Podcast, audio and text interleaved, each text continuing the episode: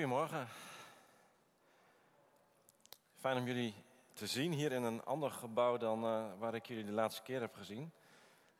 En jullie zijn er wel op vooruit gegaan, moet ik zeggen. Ik vind het prachtig om tijdens zo'n uh, lied als wat we net uh, zongen te kijken naar een afbeelding van het lam waar alle kronen bij neergelegd zijn.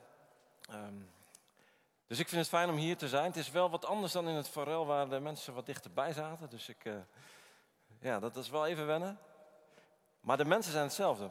Ik heb er al een paar gesproken voor de dienst. Leuk om jullie uh, weer te zien. Fijn dat ik bij jullie mag zijn vandaag. En ik hoorde Peter zeggen dat schema's hem heilig zijn. Dus ik zal ook spreken over uh, Psalm 106. De psalm die voor vandaag aangewezen is in de Psalmen Challenge. We gaan uh, die eerst met elkaar lezen. En wat we gaan doen is het eerste stuk, in, ja, eigenlijk de inleiding, die lezen we. Ook het laatste stuk lezen we. En het hele middenstuk, daar neem ik jullie uh, mee doorheen met een paar stukjes, een paar zinsneden die ik daar uithaal. Maar we beginnen gewoon bij Psalm 106 en dan vers 1. Loof de Heer, want Hij is goed. Eeuwig duurt zijn trouw. Wie kan zijn machtige daden verwoorden? Wie de roem van de Heer laten klinken? Gelukkig wie zich houden aan het recht en doen wat rechtvaardig is, telkens weer. Denk aan mij, Heer, uit liefde voor uw volk. Zie naar mij om, u die redding brengt.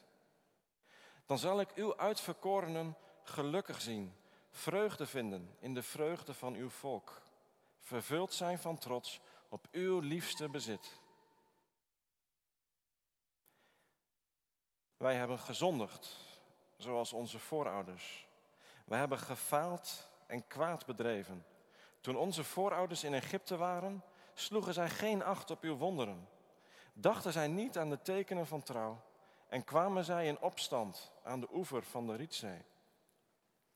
Toch redde hij hen, tot eer van zijn naam. Toen hadden zij vertrouwen in zijn woorden en bezongen ze zijn roem, maar snel vergaten zij wat hij gedaan had en wachten niet geduldig zijn plannen af. Onverzadigbaar was hun eetlust in de woestijn. Zij maakten een stierkalf bij de Horeb.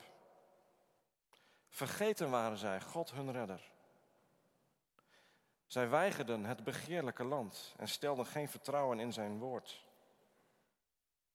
Ze verbonden zich aan de baal van de Peor en aten van offers voor de doden. Zij wekten zijn toorn bij het water van Meriba en brachten Mozes in moeilijkheden. Zij brachten hun zonen en dochters ten offer aan de demonen en vergoten het bloed van onschuldigen het bloed van hun zonen en dochters geofferd aan de beelden van Canaan. Een stroom van bloed ontheiligde het land. Zij werden onrein door hun daden. Overspelig was hun gedrag. Toen ontstak de Heer in, de Heer in toorn. Hij gruwde van zijn volk, zijn liefste bezit. Hij gaf het in de macht van vreemde volken. Zij werden overheerst door hun haters onderdrukt door hun vijanden en moesten zwichten voor hun macht. Vele malen kwam hij hen bevrijden, maar zij volharden in opstandig gedrag en zonken weg door eigen schuld. Toch zag hij naar hen om, telkens, als hij hen hoorde klagen in hun nood. Hij dacht weer aan zijn verbond met hen. Zo trouw was hij dat hij deernis voelde en medelijden wekte bij allen die hen hadden weggevoerd. Red ons, Heer, onze God. Breng ons bijeen uit andere volken.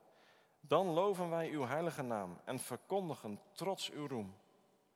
Geprezen zij de Heer, de God van Israël, van eeuwigheid tot eeuwigheid.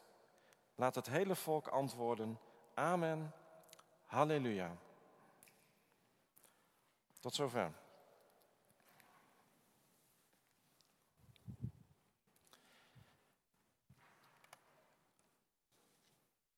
In een van mijn vorige gemeentes maakte ik een slepend conflict mee.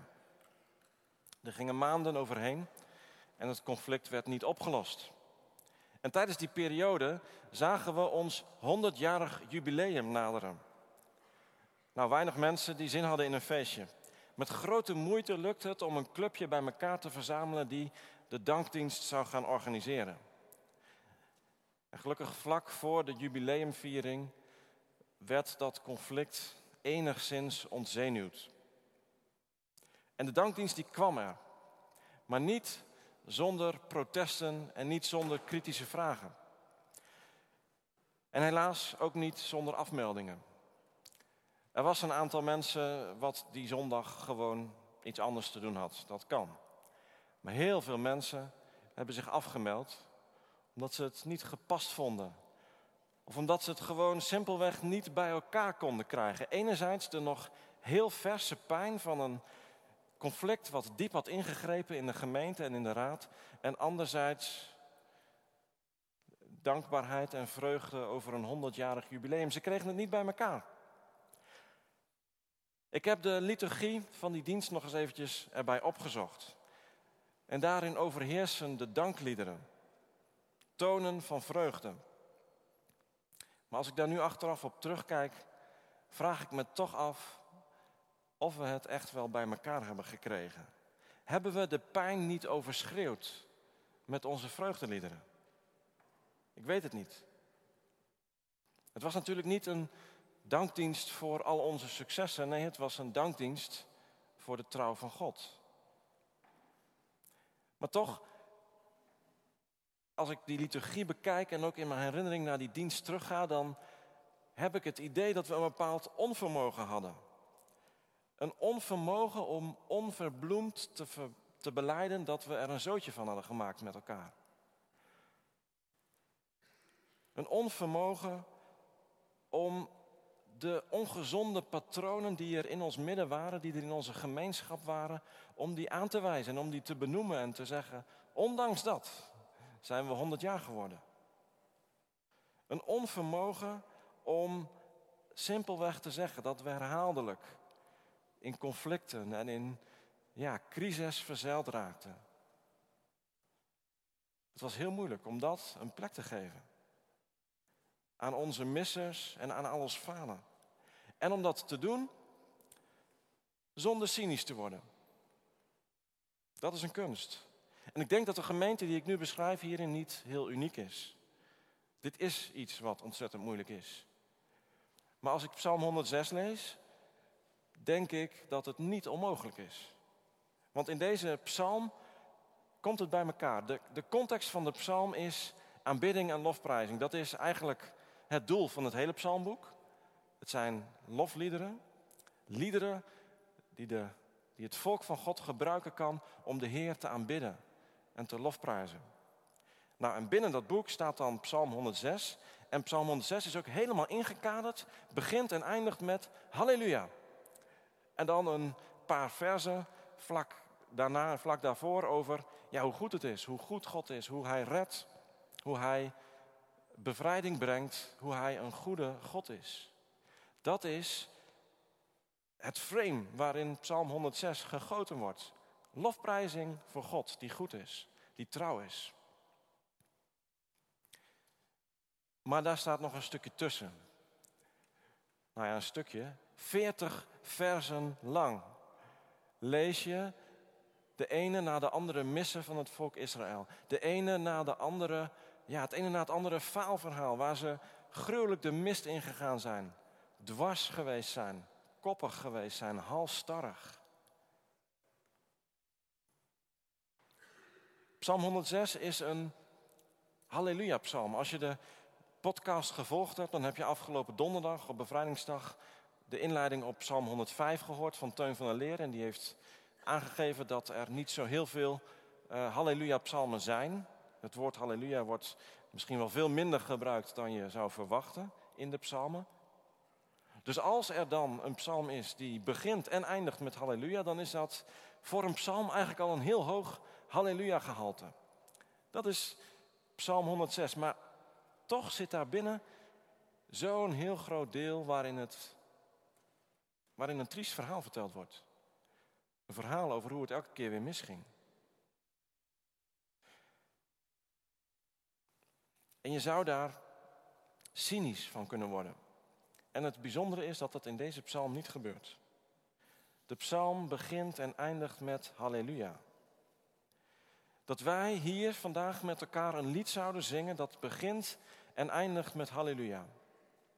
Maar wat tussen die Halleluja's door een verhaal vertelt. Wat gaat over ons falen, wat gaat over al onze misstappen. Ik kan me er moeilijk iets bij voorstellen. Maar ik vind het een prikkelende denkoefening. En volgens mij is dat ook wat Psalm 106 ons wil geven. Van jongens, denk er eens over na. Hoe kan je, zonder cynisch te worden, eerlijk kijken naar je eigen geschiedenis? Jouw geschiedenis waarin heel veel gefaald is, heel veel mislukt is, heel veel gezondigd is. Kijk eens naar die geschiedenis en zie de ongezonde, destructieve patronen die erin zitten. In jouw persoonlijke geschiedenis, maar ook de geschiedenis van jouw geloofsgemeenschap. Zie die patronen en sta daar eens bij stil en prijs dan de Heer. Want je bent er nog. Niet dankzij jouw succes, niet dankzij jouw trouw, maar dankzij de trouw van de Heer. Die zich niet heeft laten wegslaan, niet heeft laten wegschoppen, niet heeft laten verwijderen door al, alles waar wij mee tegen Hem ingingen. Hij is er nog. Er zijn misschien momenten geweest dat wij op de blaren hebben moeten zitten van ons eigen falen. Er zijn momenten geweest dat de Heer ons overgelaten heeft aan onze eigen grillen. En een stukje van zijn bescherming losliet. Maar uiteindelijk is hij genadig geweest. En gaat hij verder met ons. Zo goed is hij. En we mogen elke keer weer bij hem terugkeren. En hij geeft elke keer weer een nieuwe kans. Wat heeft het voor zin om te zeggen: God is zo trouw, halleluja, en dan hou je een heel verhaal over alles wat je goed gedaan hebt en waar je als gemeente succes geboekt hebt. Ja, daar kan je heel dankbaar voor zijn. Maar dat is niet het hele verhaal van Gods trouw. Het hele verhaal van Gods trouw doe je recht als je ook ruimte geeft en onverbloemd vertelt al die keren dat jij de mist bent ingegaan. En dat probeert Psalm 106 te doen. Die probeert ons te helpen om zicht te krijgen op het hele verhaal van Gods trouw. In vers 6 hoor je dan jezelf ineens bidden dat je gezondigd hebt, net zoals je voorouders. En voordat je het weet, wordt je die hele geschiedenis ingezogen van het volk Israël. Waarbij het elke keer weer misging. In Egypte, in de woestijn, eh, bij de berg Horeb, bij het water van Meriba. En zelfs in het beloofde land. Overal ging het mis, ging het verkeerd. Waren ze koppig, luisterden ze niet, gingen ze regelrecht tegen de geboden van God in. En dan kan je zeggen, ik heb helemaal niks met die geschiedenis te maken. Ik was er niet bij daar in Meriba of daar bij Horeb. Ik heb dat stierkalf niet aanbeden. Maar Psalm 106 zegt, zing dit lied mee en zie die geschiedenis als, alsof dat jouw eigen geschiedenis is. Alsof jij deel bent van dat volk. Alsof jij erbij bent geweest. Kijk met die bril naar jezelf. Het maakt nogal wat uit. Door welke bril je naar je geschiedenis kijkt. Ik had laatst binnen één week twee gesprekken over het verhaal van Noach en de grote vloed. Eerste was met mijn oudste dochter toen we na de maaltijd het verhaal lazen uit de kinderbijbel van Noach. En zij te horen kreeg hoe een hele aarde verzwolgen werd door het water. Massa's mensen verdronken. En dat stuitte haar heftig tegen de borst. Ze zei, waarom is God zo vreed? Waarom laat hij al die mensen verloren gaan? Ze keek met afkeer naar dit verhaal. En ze zag een vrede God. Maar een paar dagen eerder had ik gesproken met een dominee die werkzaam is in een gevangenis. En daar bijbels uitdeelt. En die gevangenen die hebben niet altijd veel te doen, dus die beginnen te lezen en die beginnen bij de eerste bladzijde. Genesis. En dan na zes hoofdstukken zitten ze al bij het verhaal van Noach en dan lopen ze een beetje vast. En kwamen ze met heftige protesten bij die, bij die ehm, gevangenispastor. Maar niet met dezelfde protesten als mijn dochter. Nee, zij hadden hele andere ideeën. Ze zeiden, wat is God dom? Wat is hij dom? Hij had niet dat, dat die familie van Noach nog, nog moeten overlaten. Hij had de hele mensheid moeten laten verdrinken. Want hij had van tevoren kunnen weten dat ze toch weer terug zouden vallen. Dat is de bril waarmee zij naar de geschiedenis keken. Van hun eigen verhaal en van de mensen om hen heen wisten zij van ja, de kans dat je terugvalt, die is bijna 100%. Elke keer weer valt een mens terug. En zij vonden dat God, als hij nou slim was geweest, gewoon met een heel nieuw soort had moeten beginnen. Nou zei die pastor, die knoopte daar dankbaar bij aan en die zei, nee maar dit, gaat, dit boek gaat juist over God. Die tegen beter weten in elke keer weer een nieuwe kans geeft. En zo probeerde hij hen naar dat verhaal te laten kijken. Maar ja, met welk, door welke glazen kijk je naar jouw geschiedenis? Door welke bril kijk je naar God? En welke patronen, kleuren jouw kijktoon. Psalm 106 helpt ons om heel eerlijk te kijken naar onszelf. En om daardoor dan ook authentieker te zijn in onze beleidenis dat God trouw is. Psalm 106 helpt ons om het hele verhaal van Gods trouw te begrijpen en te beleiden en uit te zingen. Maar Psalm 106 is niet het hele verhaal.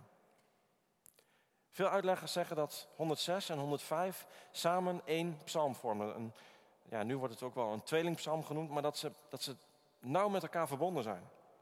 En ze lijken ook heel veel op elkaar. Beide psalmen gaan over het verhaal van de bevrijding uit Egypte en de tocht naar het beloofde land. En in beide psalmen gaat het over Gods liefde voor zijn volk en zijn genade. Maar waar Psalm 106 de kant van het falen van het volk bekijkt, daar bekijkt Psalm 105 de kant van de wonderkracht van God. Die hen elke keer uitredde, die elke keer weer een weg baande waar de weg uitzichtloos leek. En het mooie is dat beide psalmen een weg zijn om God te lofprijzen. En samen vertellen ze een compleet verhaal. Dus als je elke zondag Psalm 106 op het menu zet, dan wordt dat wat eenzijdig. Maar elke zondag Psalm 105 is ook eenzijdig. Je hebt ze allebei nodig. Beide psalmen helpen ons om God te lofprijzen. Want dat is wat Psalm 106 uiteindelijk is. Een, een weg waar langs je mag lopen. En die je helpt om tot lofprijzing te komen voor God. Die je helpt om te beseffen hoe trouw Hij is. God is nooit opgehouden om trouw te zijn. Elke keer weer dacht hij aan zijn verbond. Elke keer weer streek hij over zijn hart. Kortte hij de tijd van het oordeel in. Elke keer weer zorgde hij voor een uitweg. Hij gaf zoveel genade. En als je dat allemaal op een rij zet, hoe triest het ook is van onze kant, kom je uiteindelijk toch weer tot die lofprijzing om de trouw van God. Dus eigenlijk zouden we nu de dienst ook moeten vervolgen met, met zo'n lied. Een lied waarin we en God prijzen om zijn trouw en uitgebreid beschrijven. Wat een potje wij er soms van maken. Een lied waarmee we God eren door in één en hetzelfde lied tegelijk te zingen over Gods trouw en over ons falen. Dat zou mooi zijn. Maar zo'n lied kon ik niet vinden. Af en toe wel een regeltje over hoe wij falen, hoe wij misstappen maken, hoe wij zondigen. Maar een lied waarin veertig coupletten lang gezongen wordt over hoe het misging van onze kant, ja, die heb ik niet gevonden. Dan hoeft het misschien niet veertig coupletten te zijn, maar iets uitgebreider. Dat was ook al moeilijk om te vinden. En dat zegt misschien ook wel iets over de beperkingen van onze evangelische muziektraditie. En misschien ligt daar een uitdaging voor liedschrijvers, muzikanten, zangleiders hier. Om daar verandering in te brengen, om daar verbreding in aan te brengen. Want we missen zo'n lied. Zo'n lied als Psalm 106. Wij kennen geen lied waarin ons falen zo uitgebreid aan bod komt. En dat is jammer, want daarmee beperken we onszelf ook een beetje in het volle zicht op de trouw van God. Weet je, toen ik deze psalm voor het eerst las, kreeg ik daar allebei, allerlei beelden bij waarvan ik dacht, oh, is, is dat niet een beetje oneerbiedig? Eh, moet ik niet eventjes een andere kant op denken? Ik, ik moest denken aan iemand die een vlieg van zich af probeert te slaan, maar elke keer komt die vlieg terug, vasthoudend. Ik moest denken aan iemand, een slecht baasje die zijn hond schopt, maar elke keer keert die hond weer terug. Ook al wordt hij mishandeld door zijn baas. Dat is het terugkerende wat je in deze psalm ziet. Een vasthoudende, zo vasthoudend als een vlieg. En een trouwe God, zo trouw als een hond. En dat zijn natuurlijk hele oneerbiedige beeldspraken om te gebruiken voor God. Maar toen dacht ik erover na, associeerde ik een beetje verder met die beelden, dacht ik, ja, God gebruikt zelf ook een oneerbiedig beeld om zichzelf te beschrijven. De profeet Hosea spreekt over God als een echtgenoot van een overspelige vrouw. Die keer op keer in de kou gezet wordt, maar die trouw blijft. En die haast leidzaam lijkt toe te kijken en haast een onvermogen heeft om zichzelf te respecteren, om zichzelf serieus te nemen en zeggen met een grote knal maak ik een einde aan deze relatie. Zo wordt God bijna neergezet. En natuurlijk is er in Hosea ook wel ruimte voor dat God zijn oordeel uitspreekt. En dat hij tegen zijn volk zegt, en nu, nu gaan jullie het voelen, nu, nu laat ik mijn bescherming even los. Maar uiteindelijk lezen we in Hosea 11, vers 9 dat God er niet definitief een einde aan maakt, maar dat hij zijn boosheid zal laten varen. Want, zegt hij, God ben ik en geen mens. Heilig in jullie midden, ik zal niet meer in woede ontsteken. Wij denken omdat hij heilig is, ja, zal het verhaal met een grote knal aflopen. En God zegt omdat ik heilig ben, loopt het verhaal niet af. Ik ben heilig in mijn trouw van een totaal andere orde als jullie mensen. God is wezenlijk anders dan wij. En er is wel degelijk een bepaald onvermogen bij God. Er is iets wat hij niet kan. Hij kan niet tegen zijn wezen in handelen. En Paulus die zet dat in het Nieuwe Testament nog eens op een prachtige manier op een rij. Dit verhaal over de trouw van God. En het lijkt alsof hij een, ja, haast een korte samenvatting geeft van zowel Psalm 105 als Psalm 106 in één tekst, wat waarschijnlijk ook wel een lied geweest is. En dat wil ik graag aan jullie voorlezen.